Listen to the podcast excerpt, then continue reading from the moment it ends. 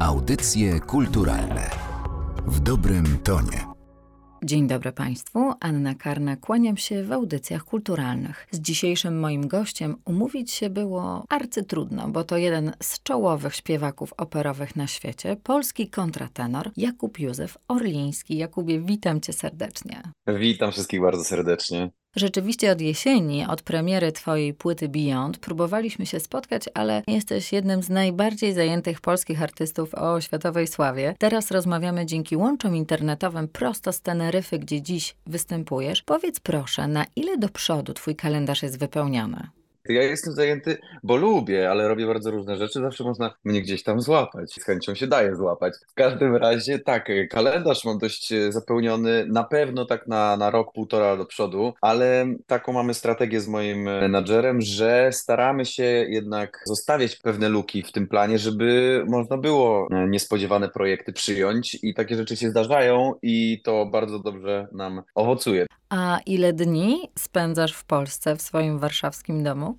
Ojej, to jest trudne pytanie. No, dwa lata temu to było mniej więcej trzy tygodnie. W zeszłym roku już było trochę dłużej, a w tym roku staram się już naprawdę jednak robić tak, że za każdym razem, przed każdym koncertem albo przed każdą taką trasą, jak teraz właśnie na Teneryfie, to przed tą trasą byłem w domu przez jakieś tam sześć dni. Po Teneryfie wracam do Warszawy i dopiero wylatuję do Pragi i do Sofii z Michałem Bielem, moim pianistą, z którym staramy się szerzyć kulturę polską na świecie i, i przedstawiamy właśnie te nasze polskie pieśni. No i wtedy znowu wracam do tej Warszawy i jakby trochę tych dni się uzbiera, nie jest źle. Chwała Ci za promocję polskiej muzyki. Jesteś współczesnym wędrowcem. Jestem, uwielbiam podróżować, strasznie jestem ciekawy świata przede wszystkim. Uwielbiam spotykać nowych ludzi, nowe kultury, też uwielbiam jeść, więc jakby próbowanie tego, tego wszystkiego, poczucie tego i te zapachy, no to jest wszystko tak y, dla mnie bardzo kreatywne. No to pobudza taką kreatywność, a ja uwielbiam tworzyć też i się dzielić przede wszystkim, więc y, uważam, że ta muzyka, którą prezentujemy, w najróżniejszy sposób i też różne programy, bo teraz na przykład mamy w przeciągu trzech miesięcy z osiem różnych programów, które robimy. Czy to z Michałem mam ze dwa czy trzy programy, które przedstawiamy. Mamy całkiem sporo koncertów y, po całej Europie, a też lecimy do Chile pierwszy raz, do Santiago. Tak samo z Il Pomodoro robimy nasze Beyond na, w Ameryce Północnej, a też robimy Facce d'Amore teraz tutaj na Teneryfie, czyli nasz poprzedni program. No ale też z orkiestrą gramy Pasję Janową w Lipsku i też Mesjasza w, we Francji, więc jest tego naprawdę dużo i zobaczyć tych wszystkich ludzi, którzy odbierają tą muzykę w jakiś tam sposób, tą atmosferę, dotknąć tego, poczuć, no to jest niesamowite, więc na razie, skoro mam te 33 lata, czuję się jeszcze młody, w tym zawodzie śpiewaka operowego to już w ogóle nadal chyba jestem dzieckiem, to jest to takie ekscytujące nadal, aczkolwiek no lubię wracać do domu, uwielbiam siedzieć w domu i to też jest dobre być w tym zaciszu swoim domowym i tak się troszeczkę uspokoić tego wszystkiego. Twoja kariera światowa rozwija się wręcz znakomicie. Jesienią ponownie zostałeś nagrodzony nagrodą Opus Classic, a przypomnijmy, że to taki muzyczny Oscar, tym razem w kategorii śpiewak roku, ale ja chcę zapytać cię o pewien letni moment, a mianowicie w Monachium latem odbyła się premiera Semele, opery oratorium George'a Friedricha Händla. Wtedy wiele doskonałych recenzji napisano, że jesteś wspaniały, wybitny, ale właściwie napisano więcej, że Orliński w Monachium skradł show innym wybitnym śpiewakom. I obok oczywiście doskonale, tak pisano, obok doskonale zaśpiewanej partii, postać Atomasa wzbogaciłaś tańcem breakdance. Jak często wykorzystujesz swoje umiejętności taneczne, a właściwie sportowe na scenach operowych, bo mam wrażenie, że możesz potańczyć. Mogę, mogę. Dość często się to zdarza, aczkolwiek rzadko się zdarza, żeby to był stricte breaking. To jest zazwyczaj tak, że te produkcje stają się bardzo fizyczne, tak jak w Frankfurcie. Robiliśmy Rinaldo, też Händla, to tam nie było tańczenia, tam nie było takich e, rzeczy breakingowych, ale to była tak fizyczna rola, tyle było przewracania się, walk i takich rzeczy, których no nie chwaląc się, nie, nie każdy mógłby zrobić, więc e, to moje przygotowanie jednak sportowe, że od dziecka jeździłem na deskorolce i na rolkach i taka capoeira, akrobatyka, właśnie ten tenis, breaking, e, tego, tego wszystkiego było tak tak dużo, że no wydaje mi się, że mam bardzo mocno przygotowane ciało na różne wyzwania. I ja te wyzwania lubię i też to nie jest tak, że jestem jedynym, który tych wyzwań się podejmuje. Jest masa ludzi właśnie w moim wieku, tej nowej generacji śpiewaków i wykonawców w ogóle muzyki, którzy chcą się podejmować tych wyzwań i to jest też takie bardzo świeże, to jest bardzo fajne. A w tym przypadku to była produkcja Klausa Gutta, który jest świetnym reżyserem. Pracowałem z nim już właśnie w, we Frankfurcie nad Rodelindą, też Händla. I Klaus ma coś takiego, że on jest bardzo takim skupionym reżyserem, ale jeżeli się ma jakieś pomysły, to on z chęcią tych pomysłów wysłucha, tylko one muszą być chociaż trochę uargumentowane, jakieś muszą być, no, nazwijmy to inteligentne. I dla mnie to było bardzo fajne, że od początku on zatrudnił mnie do tej opery, bo wiedział, jak chce pokazać Atamasa i jak chce go troszeczkę przeciwstawić Jupiterowi. I dlatego właśnie użył tych moich e, umiejętności breakingowych, bo tam była pewnego rodzaju taka zabawa, że ten Jupiter tam tańczy sobie i próbuje tą Semelę poderwać na tysiące różnych sposobów, dając jej prezenty. W końcu jest taki taneczny numer, który jest fenomenalny i uważam, że Michael Spires, który śpiewał właśnie rolę tego Boga, który się o tą Semelę dobiegał, naprawdę robił to przegenialnie, więc tym numerem to on skradł show, a ja później wchodziłem jako jego marionetka, po prostu robiąc taki breakingowy trochę show. No ale przede wszystkim dla mnie najważniejsze jest to, że jeżeli używam swoich umiejętności, to one są jakoś tam uargumentowane. Strasznie nie lubię robić sztuczek tylko dlatego, że potrafię sztuczki, dlatego na szczęście pracuję z ludźmi, którzy mają pomysły na to, co robią i wykorzystują te moje umiejętności i one się wpisują w cały bieg opery, a nie, że nagle jest Jakub Józefowniński, który tańczy breakdance, więc się nie daje wykorzystywać w ten sposób, że po prostu będę robił sztuczki, bo umiem. Często można spotkać taką opinię, że jako śpiewak jesteś niezwykle wyrazisty, jesteś inny. Czy masz w sobie y, ideę przełamywania stereotypów dotyczących właśnie śpiewaków operowych, muzyki klasycznej i opery w ogóle?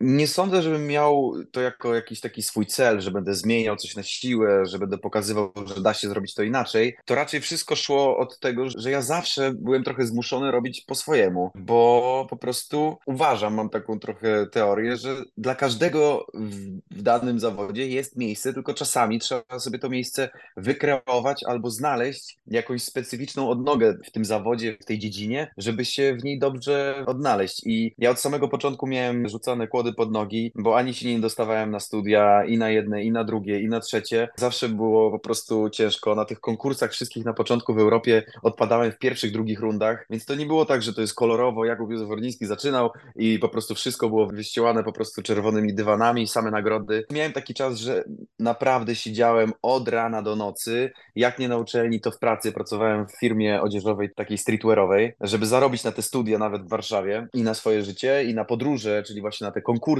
więc nie było łatwo, a przy tym cały czas jednak był ten breaking, który pomagał mi też mentalnie się pozbierać i mnie jakoś tam motywował do tego, że jest spoko, że jeszcze będzie lepiej. I to jakoś się wszystko tak potoczyło, że na początku żyjąc tymi dwoma trochę życiami tego muzyka klasycznego i powiedzmy w tej kulturze hip-hop, to się nagle zaczęło wszystko scalać i grać razem ładnie. I to nie było na zasadzie, że o, wykorzystam to i będę teraz fajnym produktem do sprzedania, tylko raczej robiłem swoje i miałem jakieś tam swoje pomysły. Wszystkie te albumy, które nagrałem, to też jest kwestia tego, że dostałem oczywiście taką ofertę i zaufanie od całego teamu Warner Classics i Erato, za co jestem dozgodnie wdzięczny, no bo jednak to było ryzykowne, że zapisali do swojej wytwórni 26-letniego kontratenora z Polski, który tak naprawdę wtedy jeszcze nic nie znaczył i jeszcze ja im wbijałem do głowy, że nie będę robił tego, co oni chcą, tylko że ja mam pomysł na swoją pierwszą płytę. Przedstawiłem im ten pomysł i oni zaryzykowali i go wydali. No dobrze im się udało, no bo jednak ta, ta płyta pierwsza Anima Sakra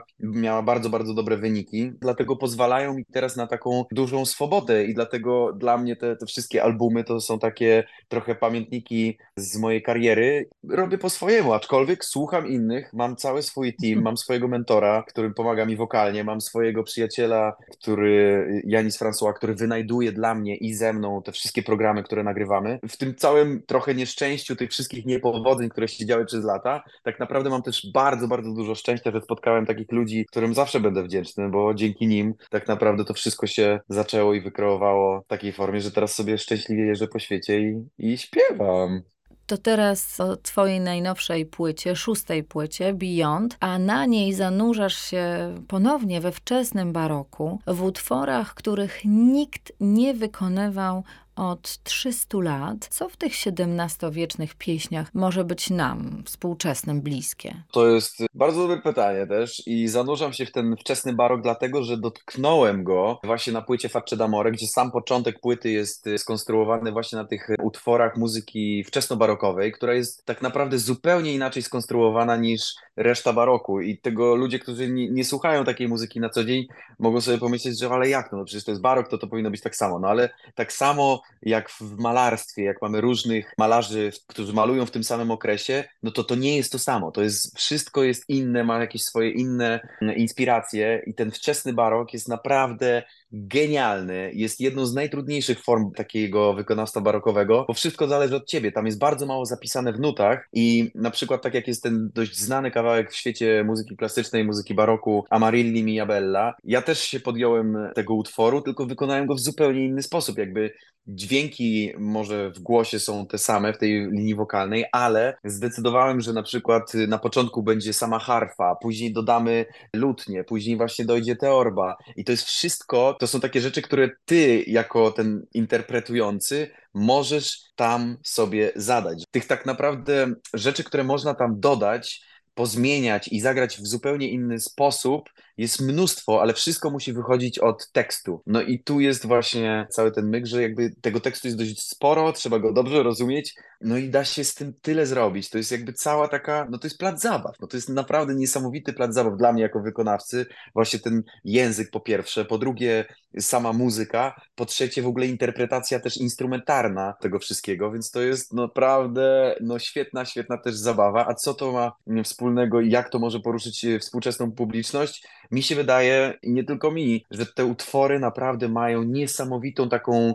ponadczasowość. Dlatego mm, płyta się nazywa Beyond, bo moim zdaniem te czasy są naprawdę ponadczasowe, mają bardzo dużo związku z tym, co my odbieramy w ogóle z naszym tym systemem emocjonalnym. I mimo tego, że ktoś może nie znać w ogóle muzyki klasycznej, a tym bardziej już wczesnobarokowych utworów i kompozytorów, to myślę, że będzie to na nich jakoś tam oddziaływać i że coś poczują, bo są to naprawdę niektóre utwory są jak ballady popowe, takie wiesz, takie smutne, takie lamentujące, niektóre są wesołe piosenki, niektóre są takie bardzo groovy nawet utwory, które siedzisz, słuchasz i sobie myślisz, wow, good jam, no, tylko teraz to by ktoś po prostu dodał troszeczkę jakieś więcej perkusji, jakiegoś grubszego basu elektronicznego, no i to by był naprawdę dobry, dobry hit. I dlatego uważam, że ta muzyka jest bardzo taka też współczesna, tylko trzeba ją też podać w dobry sposób. Z tego, co mówisz, mogę podejrzewać, że barok dał bardzo dużo muzyce, a dziś możemy słyszeć go w różnych współczesnych kompozycjach. Absolutnie. No moim zdaniem tak jak jest coś takiego jak basso ostinato to się nazywa. To jest linia basu, która się cały czas powtarza, że jest non-stop ta sama jakby linia basu. No na takiej zasadzie są zbudowane wszystkie możliwe piosenki. Tak się mówi troszeczkę,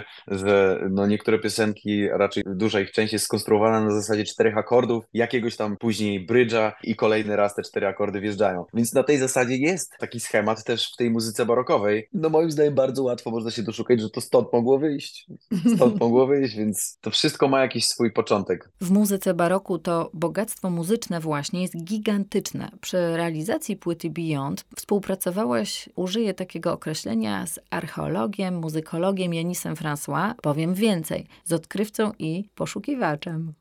Tak, ja zdecydowanie w, zawsze w wywiadach i wszędzie, gdzie, gdzie mogę powiedzieć o Janisie, mówię o nim, że to jest taki mój wyszukiwacz skarbów, bo naprawdę tego materiału jest tyle i tych kompozycji rzeczywiście w tym czasie baroku było mnóstwo, bo jest masa takich kompozytorów, która pisała na przykład na jakiś tam dwór i na każdą okazję albo na każdy weekend tak naprawdę musiała być powstać nowa kompozycja, na każdą mszę musiała powstać nowa jakaś tam sytuacja muzyczna, więc tego jest naprawdę od groma. I niektóre te rzeczy brzmią jak ćwiczenia, nie są jakieś fantastyczne, ale niektóre z tych rzeczy są naprawdę genialne. No i nasze to odkrycie na tej płycie to jest właśnie kompozytor Netti. Na tej płycie chcieliśmy wykorzystać może dwa jego utwory, a skończyło się na tym, że mamy dwa motety. Motet to jest taka większa forma muzyczna i, i dwie piosenki przez niego napisane, bo to są naprawdę tak genialne rzeczy, które tak świetnie pasowały do naszej koncepcji właśnie Beyond. No i jest naprawdę dużo takich rzeczy, których wcześniej nikt nie wykonywał. Ja mam w tym bardzo bardzo dużą satysfakcję, jak się coś takiego robi. To jest bardzo też ryzykowne, no bo jak Janis znajduje takie utwory i je przepisuje na tą naszą współczesną notację, Znaczy, można sobie jakoś tam wyobrazić, jak to będzie brzmiało, ale tak naprawdę, tak naprawdę, naprawdę, to słychać to dopiero na pierwszej próbie z orkiestrą. Więc jakby to jest niesamowite, że się przychodzi i tak sobie myślisz, jejku, mamy tyle utworów, no mam nadzieję, że to zadziała. No jakby te pary się okażą takimi kasztanami, że bez sensu to będzie, no to, no to będzie trochę wstyd. Jakby no nie będziemy mogli tego wypuścić. No ale na szczęście mieliśmy tylko w całej historii naszej współpracy mieliśmy tylko jeden utwór, który musieliśmy niestety wyeliminować, bo się no nie udało go zagrać po prostu w taki sposób, jaki byśmy chcieli. O jakich historiach śpiewasz na tym albumie? Kim są twoi bohaterowie? Zrobiłem z tego programu tak naprawdę trochę show. Poprosiłem moją przyjaciółkę Cici Udę, żeby zrobiła nam stroje, więc mamy stroje. Nie tylko ja, tylko cała orkiestra ma też stroje. A ja zaaranżowałem to, żeby to nie było tylko stanie i śpiewanie, tylko rzeczywiście, żeby to coś to opowiadało. No i wymyśliłem sobie trzy, trzy postaci. Jest to postać mężczyzny, który jest zakochany w kobiecie, i to jest duża część pierwsza tego całego koncertu, i tam się różne rzeczy dzieją. Są bardzo takie utwory błagalne, których on błaga o tą miłość, że cierpi, później poszukuje tak naprawdę u Boga miłości, czyli u tego Kupidyna, poszukuje uspokojenia tych swoich emocji. I ta druga część to jest komentarz tej kobiety, która jest właśnie tą ukochaną tego faceta. No i na koniec komentarz Boga Kupidyna Kupidyna, Boga Miłości. No i to są takie trzy postaci, które występują i przez to, że Cici Ude znała tą moją koncepcję na to show, to wykreowała mi kostium, który no moim zdaniem jest genialny, bo jest w stanie się przeistoczyć w trzy właśnie te postaci. I jak się czujesz w roli głosu kobiety? Fantastycznie. To jest znana bardzo sytuacja wczesnobarokowa, że właśnie takie postaci typu Krinalba, czyli właśnie ta postać, którą śpiewam na płycie Beyond, to są postaci, które były zazwyczaj śpiewane przez wysokich tenorów, bo to miała być taka właśnie, nawet w tej dramatycznej operze, miała być taka postać trochę komiczna. To jest dość znany zabieg, dlatego ja po raz pierwszy się po prostu podjąłem takiego zabiegu i w tej koncepcji Beyond bardzo, bardzo dobrze to pasuje. Trasę płyty Beyond po Polsce i po Europie właśnie skończyłeś, ale wiosną kolejna trasa to będzie trasa po USA i Kanadzie i jednak jest szansa spotkania cię w Polsce. Już 26 lutego zaśpiewasz w Teatrze Wielkim w pieśniach współczesnych współczesnych z Miłoszem i zespołem y, Śląsk. Ja mam wrażenie, że dla ciebie to jest taki doskonały miks kultur właśnie muzycznych. Proszę opowiedz o swoim doświadczeniu w tym projekcie. Absolutnie Miłosz jest genialny, jeżeli chodzi o ten projekt. Świetnie się z nim pracowało. No jest y, fantastycznym typem do pracy, bo od samego początku jakby to kliknęło.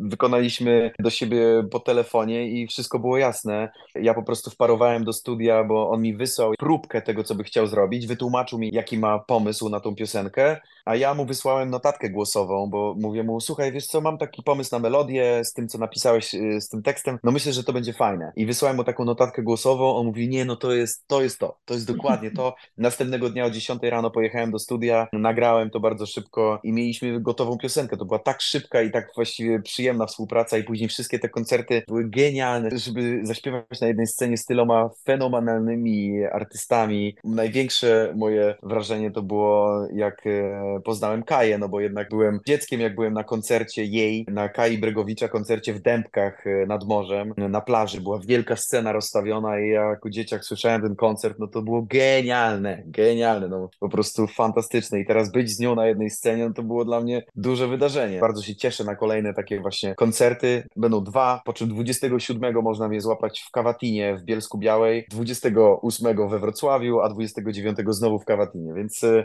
trochę tych polskich dat jeszcze jest. W tym roku będziesz śpiewał Bacha, właśnie to będzie pasja według świętego Jana. To jest y, jednak rzadkość. Powiedz, czym dla ciebie jest ta muzyka? Właśnie mi trochę przykro jest, bo ja kurczę uwielbiam śpiewać Bacha. Na studiach, jak byłem tutaj w Warszawie, to dość często śpiewałem a to kantaty Bacha, a to właśnie jakieś tego typu rzeczy. Te kompozycje Bacha cały czas się pojawiały na różnego rodzaju koncertach, a teraz, no niestety to się nie pojawia, ale może to się coś zmieni, jak zaśpiewam w końcu tą pasję świętego Jana w Lipsku bo uwielbiam muzykę Bacha. Dla mnie ona jest naprawdę niesamowita. Uważam, że jest jakby kluczem też do zapoznania się ze swoim instrumentem wokalnym, szczególnie w czasie studiów, że każdy powinien przebrnąć przez jakieś utwory Bacha, no bo to jest tak trudna, skomplikowana, a zarazem piękna muzyka, która bardzo dużo uczy, bardzo dużo, jeżeli chodzi o technikę wokalną. Naprawdę jest to coś, co uważam za totalną podstawę i że nie trzeba tego śpiewać e, później w życiu, ale na samym początku są to rzeczy, które naprawdę budują instrument moment. Ja jestem wysoce podekscytowany tym, że będę w końcu mógł zaśpiewać Bacha, no więc zobaczymy jak to będzie. Może to się jakoś tam posunie i, i, i przyjdzie więcej takich propozycji do śpiewania utworów Bacha. Nie wiem, czy to prawda, ale podobno mówi się, że kariery kontratenorów, choć są bardzo intensywne, to nie trwają długo. Skąd taki przesąd? Tak naprawdę ten głos się bardzo szybko rozwija i jeszcze 20 lat temu no nie było to do pomyślenia, żeby taki kontratenor śpiewał na przykład na scenie w Met, czy w Carnegie Hall, czy w Munich Staatsoper, czy The Royal Opera House w Londynie. A teraz to się dzieje, też skala tego głosu się bardzo rozwinęła, technika w ogóle, jak się ten, ten głos wytwarza, więc wydaje mi się, że może kiedyś tak było, że to było intensywnie, ale bardzo krótko. Teraz jest intensywnie, ale wydaje mi się, że dłużej na pewno, no bo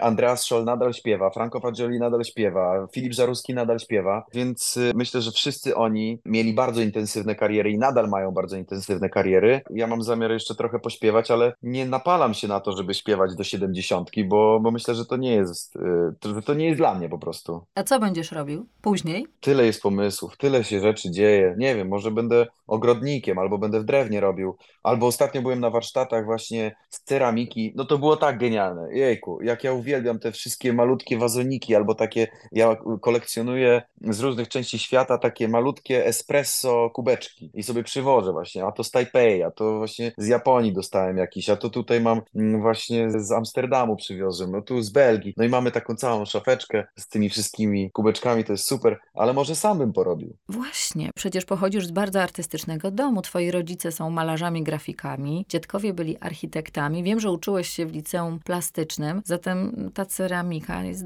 doskonałym pomysłem. Tak, no też mi się wydaje, że, to, że może tam się coś obudzić.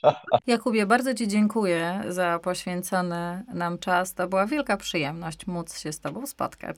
Dziękuję bardzo. No i mam nadzieję, że do usłyszenia. Do usłyszenia. Gościem audycji kulturalnych był światowej sławy kontratenor Jakub Józef Orniński.